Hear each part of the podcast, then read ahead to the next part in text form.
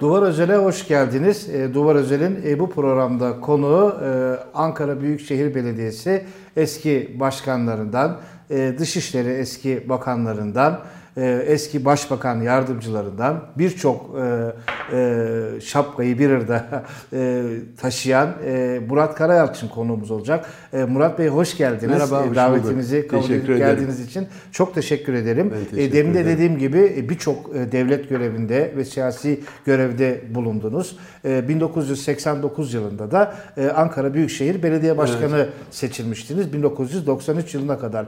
O dönem 1980 sonrasında Sosyal Demokratların yerel yönetimlerde e, ilk defa bir atak yaptı ve büyükşehir belediyelerini e, ne e, kazandıkları dönemdi. İzmir'de Yüksel Çakmur'u hatırlıyorum. E, İstanbul'da Nurettin Sözen Evet. Beyefendi hatırlıyorum. Ankara'da da siz Büyükşehir Belediye Başkanlığı'na gelmiştiniz. Yaklaşık, yaklaşık değil tamı tamına 30 yıl sonra 2019'daki yerel seçimlerde de tekrar e, Evet. e, e, e, Evet. sosyal demokratları CHP'yi bu sefer e, büyük, e, yerel yönetimlerde görmeye başladık. Evet. Bugünden o günlere, o günden bugünlere dönüp baktığınızda e, hem yerel yönetimler açısından hem de Türkiye siyaseti açısından e, neleri değişti, neler değişmedi, e, neler eksik kaldı diye bir soruyla başlamak istiyorum efendim. Evet.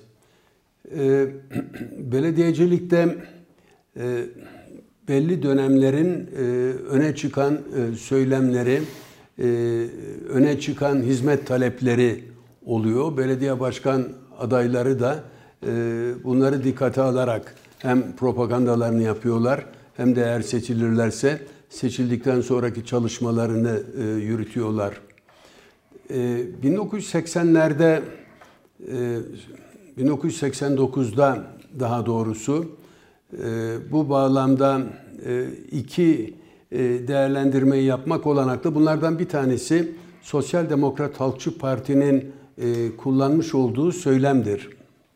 E, Türkiye siyasetinde e, ilk kez e, bilinen kalıplaşmış sağ sol terimlerin dışında e, saydamlık, katılımcılık gibi e, bir takım kavramlar e, dile getirilmeye başlandı. Hesap verilebilirlik gibi Evet.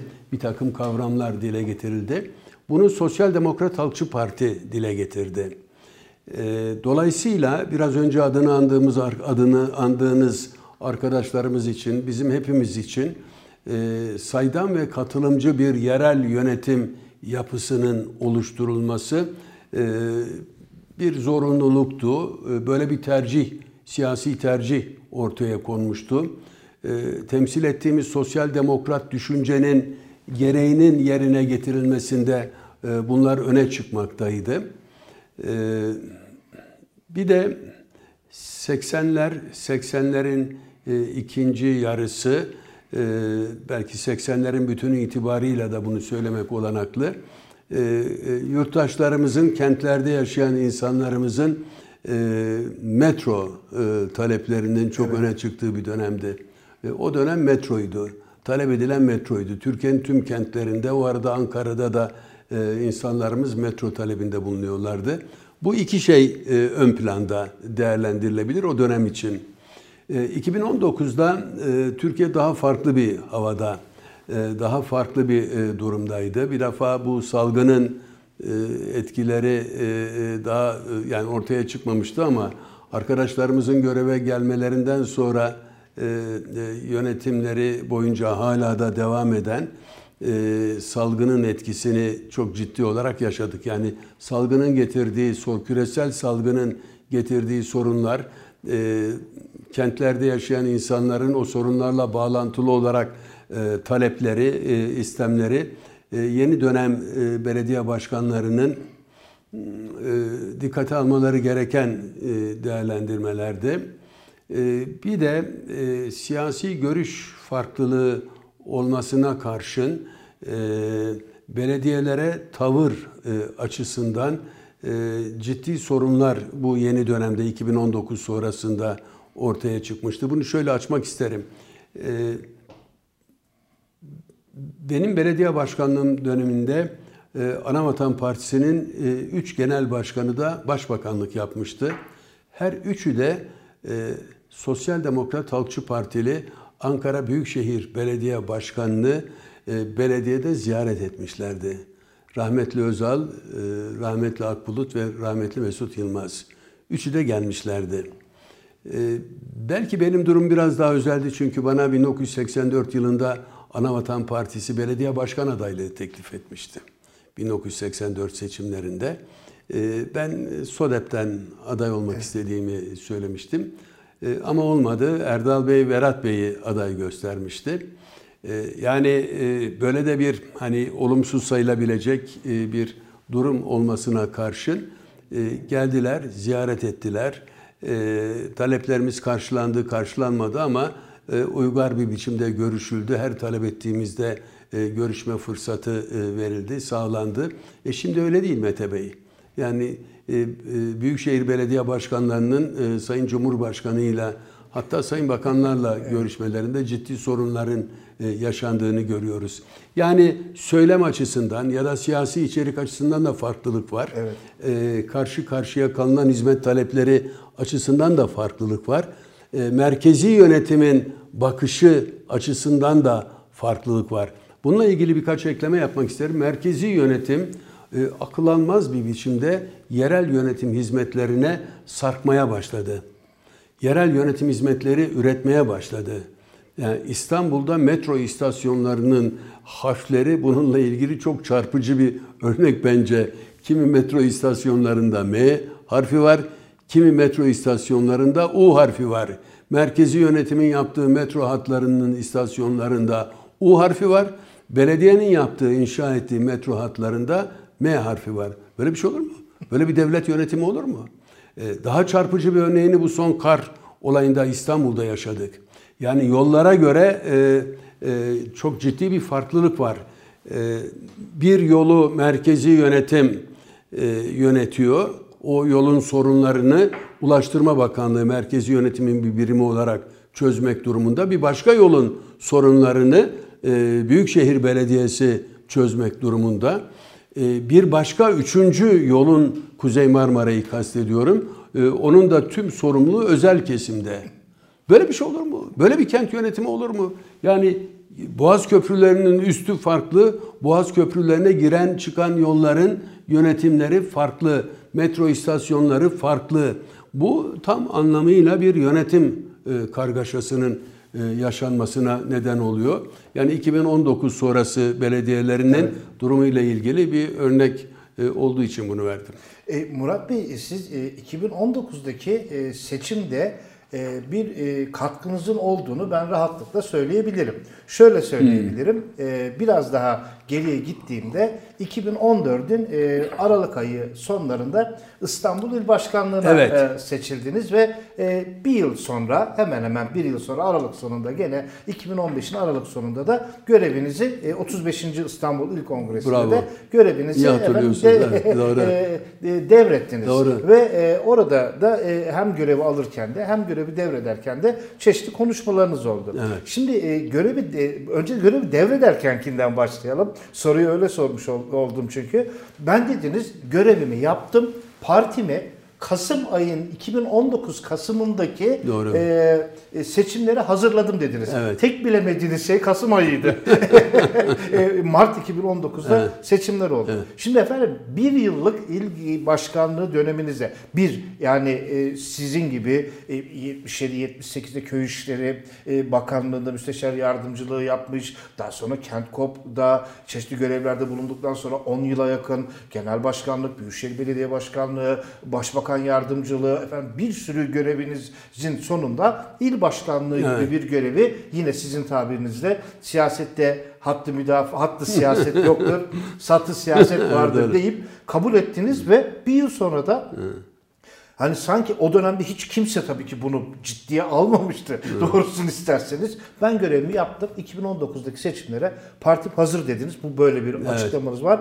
Ve bir tek ayı tutturamadınız. Evet. Mart'ta seçim evet. oldu. Ve İstanbul yani tabiri caizse elbette ki Sayın İmamoğlu'nun muhteşem bir performans oldu ama örgüt kazandı. Evet. Ve o örgütün e, bir şekilde e, bir şöyle bir sirkeleyip sallayan siz oldunuz. Sözü çok uzattım. Ne yaptınız bu bir yılda Murat Bey? Ee, Çok teşekkür ederim. Çok iyi izlemişsiniz. Ben bu ayrıntıyı e, bu kadar iyi bilen bir bir gazeteciyle ya da televizyoncuyla hiç karşılaşmamıştım Mete Bey.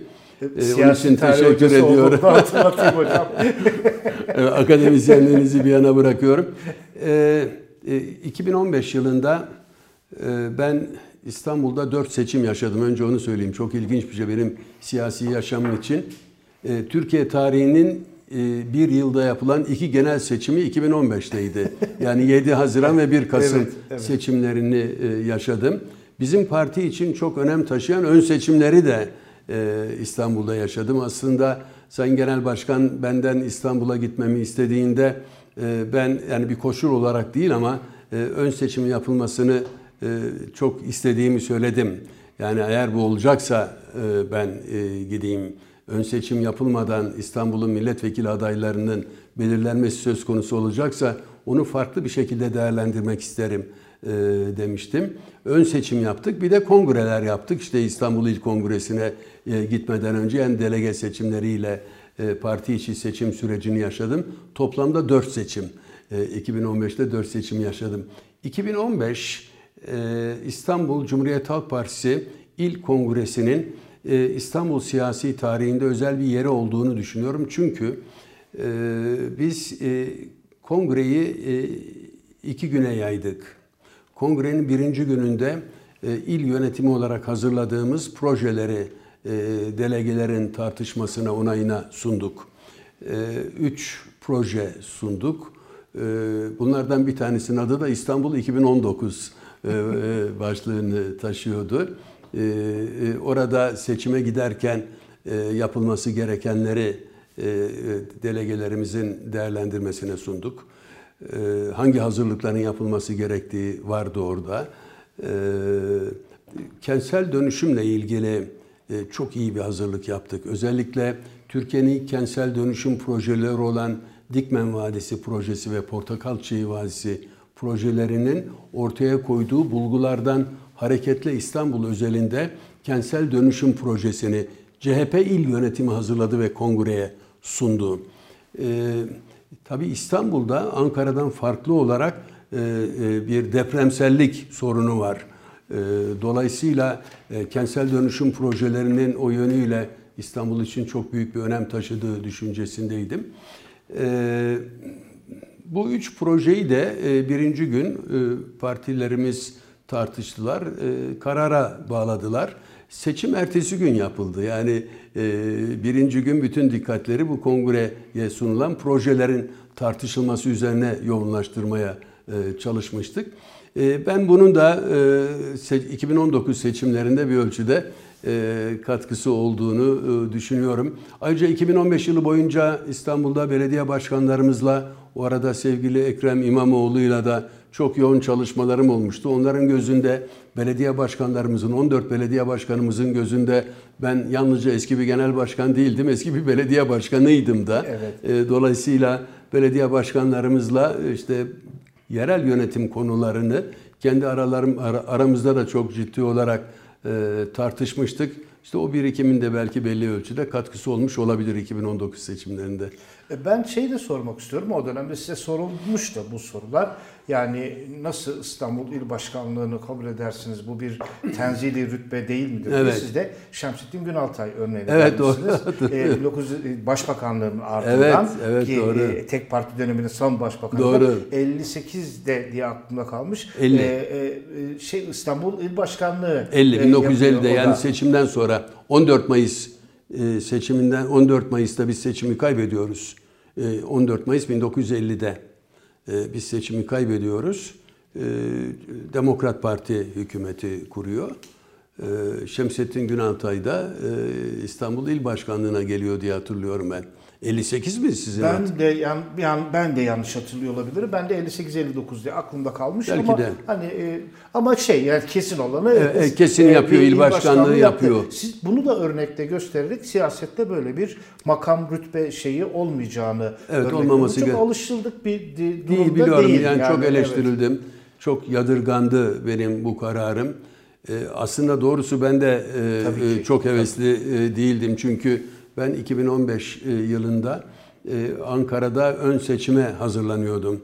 Milletvekili adayı olmak istiyordum. Yani Ankara'yı evet. mecliste temsil etmek istiyordum. Ee, Sayın Genel Başkan e, benden İstanbul İl Başkanlığı e, sorumluluğunu üstlenmemi istedi. E, hatta İl Başkanımız Oğuzkan Salıcı'nın evet. e, ayrılacağını, e, milletvekili adayı olacağını, e, İstanbul'da benim bir parti büyüğü olarak bu sorumluluğu üstlenmemin partinin sağ salim seçimlere gitmesinde çok yararlı olacağını, ona katkıda bulunacağını söyledi. E doğrusu ben de yani milletvekili hani olmak istiyordum Ankara'dan. Ama Sayın Genel Başkan tercihini böyle koyunca ben eski bir genel başkan olarak bunu e, esas almam gerektiğini düşündüm. Ve parti görevidir dedim, kabul ettim. Dediğim gibi çok tepki geldi ama ben memnunum. Şimdi ben masanın her iki tarafında bulunmuş tek siyasetçiyim yani. Hem genel başkanlık hem de il başkanlığı yapmış e, bir siyasetçiyim Cumhuriyet Halk Partisi'nde. E, e ama 35. E, il Kongresi'nde görevi bırakacağınız zaman da e, CHP'nin soluna açılmadığı konusunda eleştiriyorsunuz. E, siyasetin finansmanı konusunda ve e, CHP'nin örgüt konusundaki yetersizliklerini de e, eleştirerek evet. şey yapıyorsunuz. 2019'a doğru gelinirken bunlardan e, hangileri giderildi ya da giderildi mi, giderilmedi mi? E, hala eleştirilerinizde aynı noktada mısınız? Ee, e, evet yani o değerlendirmelerim hala geçerliliğini koruyor Mete Bey. Ee, Cumhuriyet Halk Partisi'nin e, sol e, çizgisinin ya da sol yanının e, yeterince e, güçlü olmadığı iddiasındaydım. O iddiayı hala da sürdürüyorum. E, bu birincisi. E, ikincisi, e, Cumhuriyet Halk Partisi'nin örgüt yapısının değiştirilmesi gerektiği düşüncesindeydim. Hala da o düşüncemi koruyorum. Hem genel merkez için hem merkez örgütlenmesi için hem de taşra örgütlenmesi için e, bunu düşünüyorum. E, ben 1996 yılında e, yaklaşık bin arkadaşımla birlikte Türkiye sol siyasetinde bana göre çok önemli bir sayfa olan hatta şanlı bir sayfa olan Sosyal Demokrat Düşünce Atölyeleri çalışmasını yapmıştım. Bu yaklaşık 3 yıl sürdü Mete Bey bu üç yıl boyunca hiçbir maddi mali destek almadan, bir sponsor falan bulmadan, e, aramadan e, bin kişi üç yıl boyunca nasıl bir Türkiye ve nasıl bir sol parti üzerinde çalışma yaptık. E, bundan önce ben şey hatırlıyorum, bu üçüncü plan döneminde Türkiye İşçi Partisi'nin bir alternatif plan evet. çalışması vardı.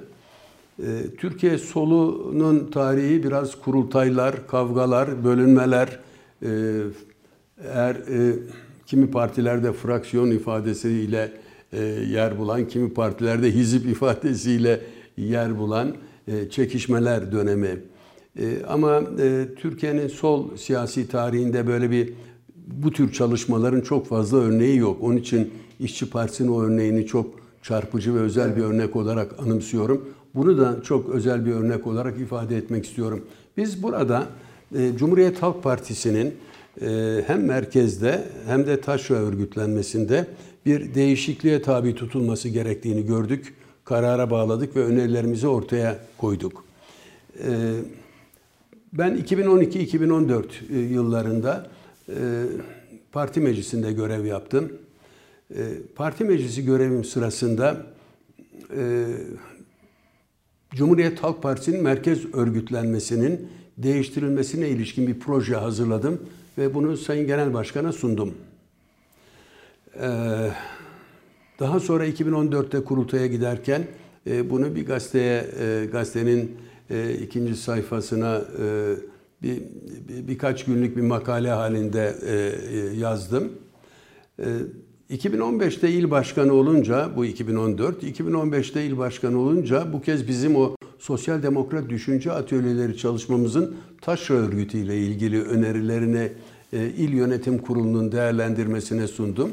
Arkadaşlarımızın da tartışmaları ve uygun görüşleriyle bunu e, tekrar e, kongreye getirdim. Kongrenin onayını sundum. Kongrede bunu oy birliğiyle kabul etti.